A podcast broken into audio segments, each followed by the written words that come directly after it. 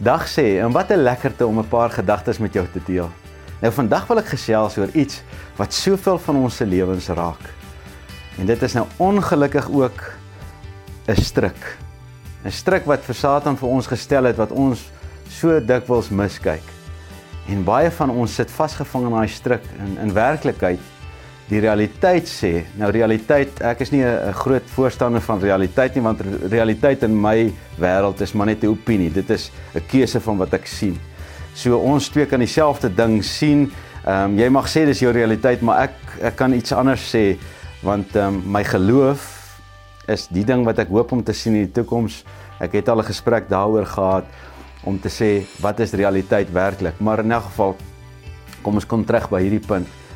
Die realiteit sê dat vandat sosiale media in die mensdom ingekom het, het die selfmoordsyfer dramaties toegeneem. Nie soos 'n bietjie nie, dramaties toegeneem. Want sosiale media het vir almal 'n platform gegee waar jy en ander mense se lewens kan gaan inkyk. Nou ons is almal altyd nuuskierig. Ek wonder wat doen iemand anders? Ek wonder wat dink iemand anders? Ek wonder waar gaan iemand anders? Nou sosiale media het 'n platform geword waar ons na die absolute benydenswaardige kant van mense se lewens gaan kyk. Dit beteken ek sien daai ou hou vakansie op Mauritius. Ek sien daai ou trou. Ek sien daai ou het 'n nuwe kar. Ek sien daai ou het daai nuwe ding. En wanneer ek sien hoe ander mense hulle sukses leef, dan sit jy baie keer daar en dink maar ek is nie so gelukkig nie. Dit gaan nie so goed met my nie. My lewe is 'n nagmerrie. Ek het nie genoeg geld nie. Hoe kan daai ou dit bekostig? Daai vriendin van my vlieg in 'n vliegtyg rond. O, gits, hier sit ek. Ek het nog nooit eers in 'n vliegtyg kaartjie gehad nie. En so begin 'n mens jou lewe in twyfel trek wanneer ons na sosiale media kyk. Nou goed. Dit was my lekker, glo my. Ek het op 'n stadium met ek interessant gaan sit en lees en voordat ek my oë uit uitvee, het ek 'n uur spandeer op Facebook om net daai artikels te let te sien wat iemand anders het. En so het my dae skielik ingesluk geraak in hierdie ding van kom ek gaan in die wêreld van iemand anders. En toe het ek 'n gesprek gehad met 'n mentor in my lewe. En ek het besef maar ek moet die leier wees van my lewe. Ek kan nie maak dat ander mense my lewe lei. Ek kan nie gaan kyk en kyk hoe leef ander mense hulle lewe en hier sit ek in my oopvol as nie. So ek het 'n keuse gemaak. En dit is ek post miskien so eenmaal 'n week. Ek het so 'n blad op Facebook. Ek weet nie hoe ek dit reg gekry nie, maar in elk geval ek het dit reg gekry. So ek post eenmaal 'n week, post ek miskien 'n gedagte. Maar ek gaan kyk nou nie hoeveel likes kry ek of hoeveel thumbs up of daai goedjies nie. Dis nie vir my belangrik nie. Ek weet ek is besig om my lewe te lewe. Ek sit iets uit om mense te inspireer. Dis my doel. Is nie om mense jaloers te maak nie.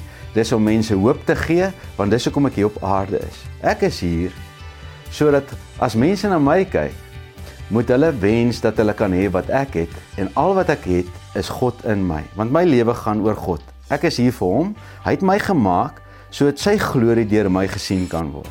So my doel op aarde is om God te verteenwoordig waar ek gaan. Dat as mense na my kyk moet hulle sê ek soek daai vrede wat jy het. Ek soek daai vryheid wat jy het. Ek soek nie daai rykdom en daai goed nie. Ek soek 'n vrede van gedagte. En dis hoekom my wêreld gaan oor ons gedagtes. Dit wat ek met mense deel gaan oor wat ons dink. Want wat jy dink word wat jy is. En as jy nie waaksaam staan voor daai deur van jou gedagtes nie, dan kom Satan in. Dis soos 'n virus op 'n rekenaar.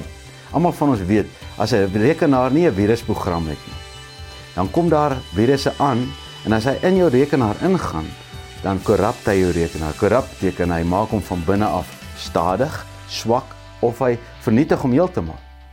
Jou antivirusprogram beteken ek sien hier's 'n virus en hy het nie toegang tot my nie.